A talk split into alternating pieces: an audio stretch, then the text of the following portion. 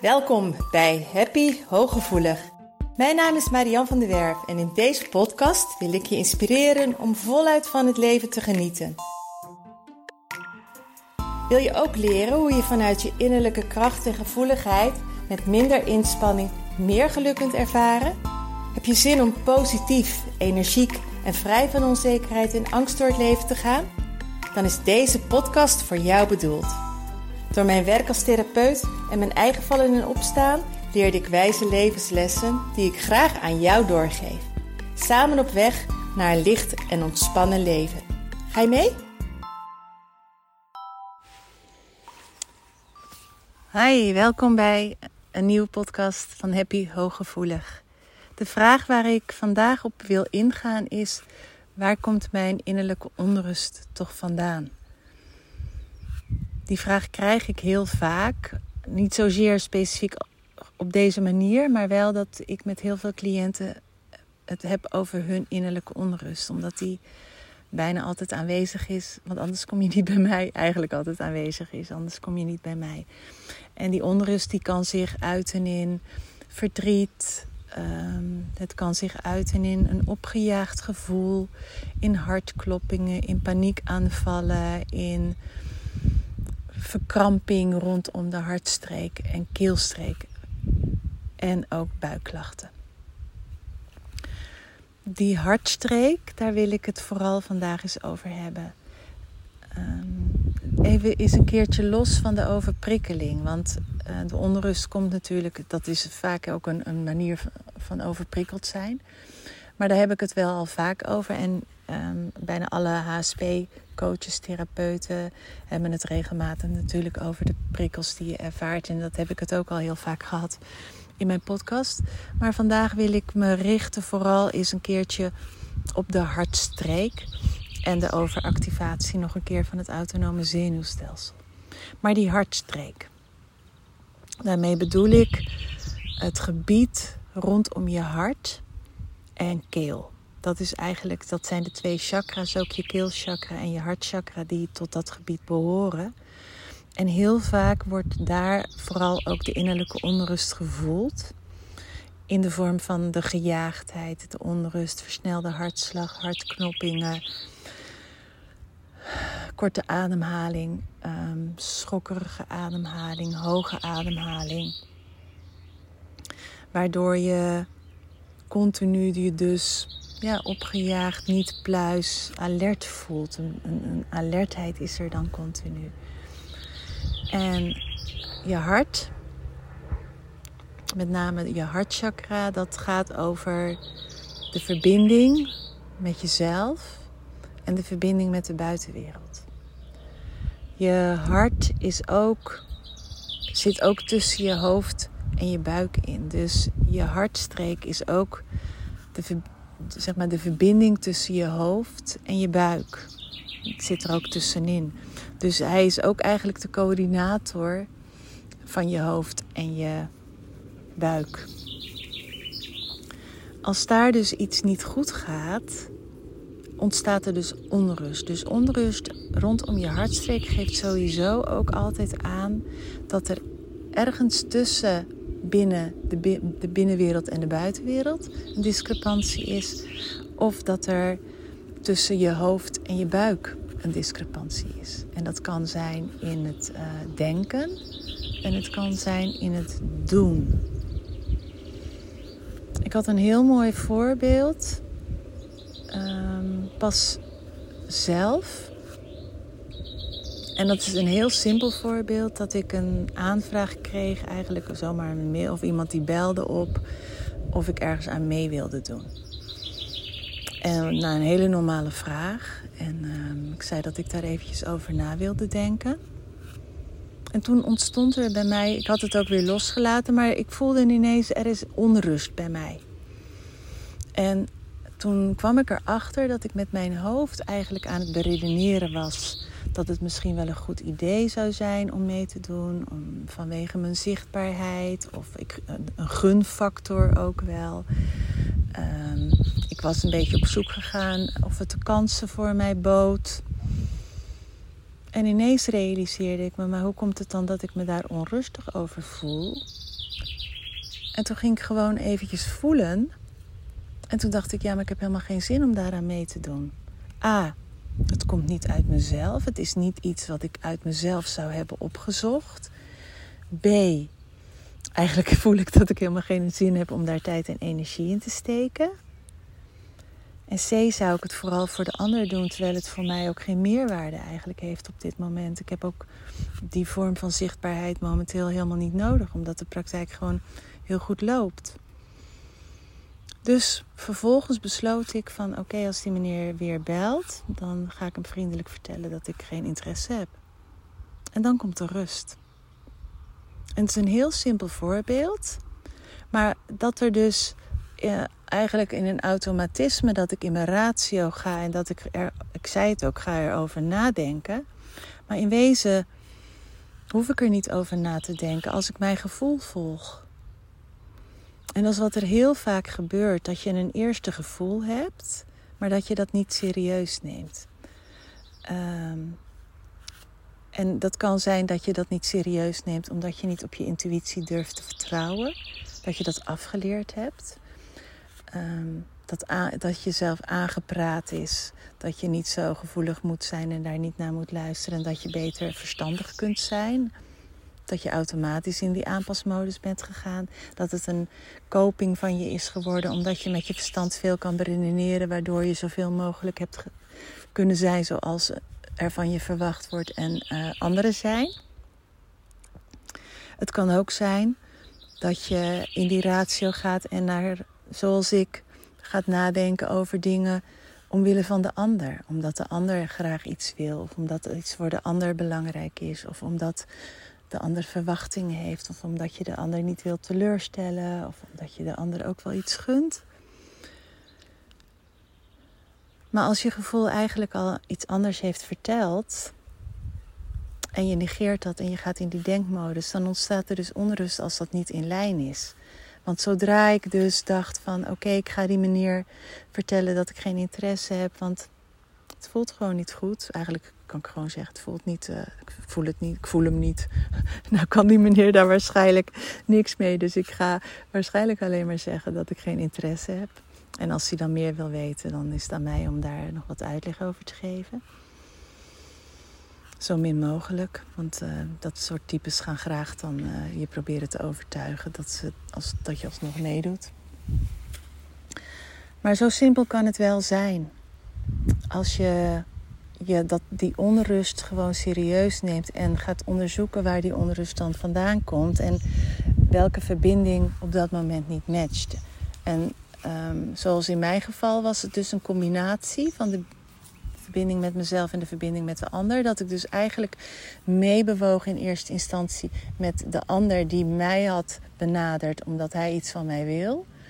En dan ga ik voor de ander eigenlijk aan het werk. Ja, die valkuil heb ik ook. En dat zul jij ongetwijfeld heel erg herkennen ook. En dat is niet erg dat dat een eerste mechanisme is. Maar als er onrust ontstaat, is het wel goed om die onrust serieus te nemen. Dat is eigenlijk stap 1 van de Denk Opnieuw methode. Dat je daar bij stil gaat staan. Waar komt mijn onrust vandaan? En in een, hoe je hem in een eerder stadium kunt tackelen. En daar aandacht aan besteedt. Uh, hoeft het ook geen dagen te duren, die onrust. En bij mij was dus de combinatie van uh, de ander en mezelf. Dus ik had wat, wat nodig was om even naar binnen te keren. Wat heb ik nodig? En in tweede instantie was het dus ook de discrepantie dat ik mijn gevoel eventjes niet gelijk volgde, maar in die denkmodus stapte. Door de verbinding met de ander serieus te nemen daarin. Um, bijna altijd gaan ze wel samen. Bijna altijd gaan ze wel samen. Uh, maar weet je, dat, je kan het ook in een relatie hebben. Um, dat bijvoorbeeld een relatie eigenlijk niet goed meer voelt. Of dat je um, voelt dat de partner niet meer de juiste partner voor jou is. Maar dat je helemaal gaat beredeneren dat het toch wel verstandig is om bij elkaar te blijven. Dat, um, dat hij ook heel veel goede dingen heeft. Je ziet het ook vaak met, met partners die um, psychisch of lichamelijk mishandelen. Dan ga je heel erg zeggen, ja, maar soms is hij ook heel erg lief. En hij bedoelt het niet zo kwaad. En heeft er achteraf altijd spijt van Kan ook met werk zijn. Net, ehm, ik ga straks nog een mail terugsturen dat uh, iemand van de online training momenteel, die de online training volgt, mij een mail stuurde. Dat ze zei: Ja, ik heb een hele leuke baan hoor. En dan komt het, maar ik mis toch wel creativiteit. En uh, ik ga toch wel heel vaak met tegenzien naar mijn werk. En ik realiseer me toch dat ik de passie er niet in kwijt kan. En ik merk dat ik toch wel vaak naar een andere baan aan het zoeken ben. Maar het is een hele leuke baan, want ik doe dit en ik doe dat en ik doe zus en doe ik zo. En ik heb een vast contract aangeboden. Dus dat is een teken dat ze toch blij met me zijn. En eigenlijk was dat ook de aanleiding om deze podcast te maken, want dan merk ik precies hetzelfde. Ze is in haar ratio gegaan. De buitenwereld is blij met haar. Zowel de mensen die ze, die ze helpt, maar ook haar werkgever dus. Maar het voelt niet als de juiste baan. En dan blijft de onrust en dan blijft de. En dan ga je dus ook. Dan wordt het een energievreter, waardoor je dus ook echt overprikkeld gaat raken. Los van je HSP, maar vooral mede door je HSP, door je hooggevoelig zijn, omdat je in, uh, nog, hè, in die, uh, nog dieper denkt en um, het je allemaal sowieso al meer energie kost, is dit echt een, een, een energielek. Die discrepantie tussen je uh, binnen, buiten, boven, beneden, om het zo maar even kort te zeggen. Dat is een enorm energielek waar je chronisch overprikkeld van raakt. Dus ga heel erg kijken als er onrust is. Waar zit hem bij jou? Wat negeer je op dat moment? Besteed je te veel aan de buitenwereld en te weinig aan je binnenwereld? Dat kan ook zijn op bijvoorbeeld. Um, en dan is je, je denken nog niet eens de overhand. Dat je continu maar voor de ander bezig bent en voorbij gaat aan jezelf. Niet uitspreekt wat je nodig hebt. Dan kom ik zo ook nog bij het keelchakra even uit. Daar kan die ook in zitten. Hij kan ook wel in je binnenwereld zitten. Maar dat je wel continu met je, uh, dat er continu een strijd tussen je gevoel en je verstand. En je uh, verstand kan heel erg manipuleren. Je gevoel liegt nooit. Dus neem die ook even mee. En natuurlijk wordt je gevoel wel bepaald, ook gedeeltelijk door je gedachtegang. Maar dat is toch een soort ander gevoel. Dat is niet je intuïtiegevoel. En als um, je krijgt namelijk ook, als het niet klopt voor je, kun je wel heel erg blijven beredeneren en proberen om in, je, in een positieve gedachtenstroom terecht te komen. Maar als het echt niet goed is voor je, dan gaat je uh, gevoel niet mee. Dan blijft je gevoel toch no-go, niet nee, nee, nee zeggen. Uh, zoals ik nu in, mijn simpele voorval, maar ook bijvoorbeeld die mevrouw waar ik het net over heb, over haar werk, blijft maar terugkomen. Dan, ze blijft maar tobben over de werk. Dus ze kan nog zoveel positieve gedachten erover hebben. Maar het gevoel gaat niet helemaal mee. Dan wil ik ook nog iets zeggen over de keelchakra, omdat die ook bij de hartstreek hoort. De keelchakra zegt heel erg veel over iets wel of niet uitspreken. Um, van, en um, een trigger kan blijven op het um, uitspreken, laat ik hem anders even formuleren een, een trauma, een, een opgeslagen energie kan zich uiten door een blokkade in je keelchakra. En daarmee bedoel ik, stel je voor dat iemand iets heel hards tegen jou heeft gezegd. Of uh, keer op keer dingen heel hard binnenkomen. En dat heeft je een keer enorm geraakt. En in plaats van een weerwoord te geven, in plaats van erop te reageren, in plaats van daarna het erover te hebben of er heel hard om te huilen, ben je verstijfd en heb je niet meer gereageerd. Dan kan het zijn dat er een stuk opgeslagen trauma-energie rondom je hart blijft. En dat zorgt voor een continue verkramping. En dat zorgt.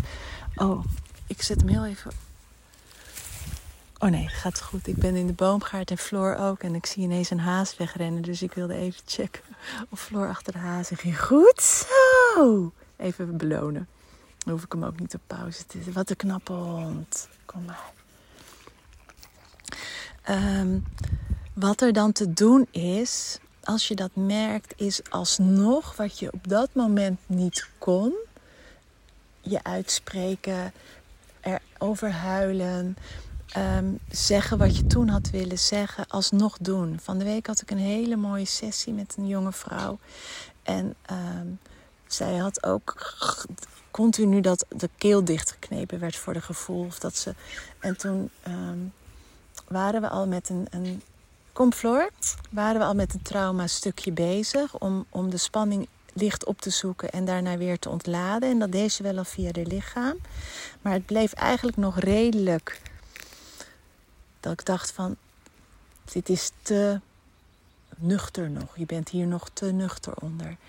En toen zei ze dat dus van de keel, want ik vroeg waar ze vooral de spanning en de, de verkramping voelde. En dat was rondom de hart, maar vooral ook bij de keel. En toen zei er, zijn er dingen die je niet kon uitspreken toen en die je nu wel wilde zeggen, wil zeggen, die alsnog wil zeggen. En toen begon ze eigenlijk met de traumatische ervaring voor ogen, begon ze rondom dat keelchakra zich te uiten. En toen kwam de opgeslagen energie kwijt. Toen kwam de emotie. Toen kwam de lichamelijke ontlading. Maar dat was ook de release van de spanning. En daarna kwam de rust.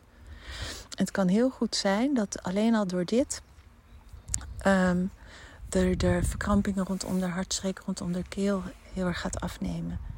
En het zal misschien een paar keer nodig zijn, maar ik heb ook gezegd: ga dit doen. Ga, als er dingen in je opkomt, ga uitspreken. Ga nee, dat hoeft niet tegen iemand. Het kan ook gewoon. ga schreeuwen, ga roepen, ga schelden. Noem maar op, maar ga uiting geven. Ga het stukje wat je toen niet kon oplossen met de lichamelijke release en je afzetten, ga dat alsnog doen. En dat kan dus ehm, ook de verkramping veroorzaken. Wat ik net zei, de verstoring in het autonome zenuwstelsel, maar een stukje opgeslagen uh, trauma-energie. Kan dus ook die innerlijke onrust teweeg brengen. Vorige week had ik een uh, hele mooie MBR-sessie met iemand. En zij heeft altijd ook die innerlijke onrust. En bij haar kwam de rust dat ze tijdens de EMDR-sessie al zei van ik ken deze rust niet, maar dat kwam omdat we met een, uh, echt met een trauma aan de gang gingen. Waardoor dus ook, en met EMDR spreek ik ook je lichaam aan, waardoor dus uh, het seintje veilig afgegeven weer kan worden rondom het trauma. En uh, het op de juiste plek in je brein kan worden opgeslagen, waardoor ook de rust kan ontstaan. Dus dat is de laatste die ik vandaag met je wil delen. De onrust kan ook. Uh, zijn. Maar dan is die er continu. De andere twee ehm, zijn er vooral uh, op momenten van binnen, buiten, boven, beneden situatie gerelateerd. Als die er altijd is, heeft die daar ook wel mee te maken. Maar dan heeft het dus heel vaak met opgeslagen trauma-energie te maken. Dat je lichaam zich niet veilig voelt. Dat er een bevriezing nog ergens is. En dat er een continue alertheid is, omdat je steeds getriggerd wordt in je trauma. Die, wil ik, die heb ik eerder benoemd. Mocht dit je eerste podcast zijn, ga echt terugluisteren, want ik heb het hier veel vaker over. Um, maar ik hoop dat je hier heel veel aan hebt. En um, dat dit je helpt. Zeker als de onrust toeslaat om te achterhalen waar die vandaan komt. En ook daar adequaat op te kunnen reageren met je gedachtegang, maar ook in je acties. En neem jezelf gewoon altijd daarin serieus. Dat is wat ik voor vandaag wilde delen. Heel veel liefs van mij. Doeg!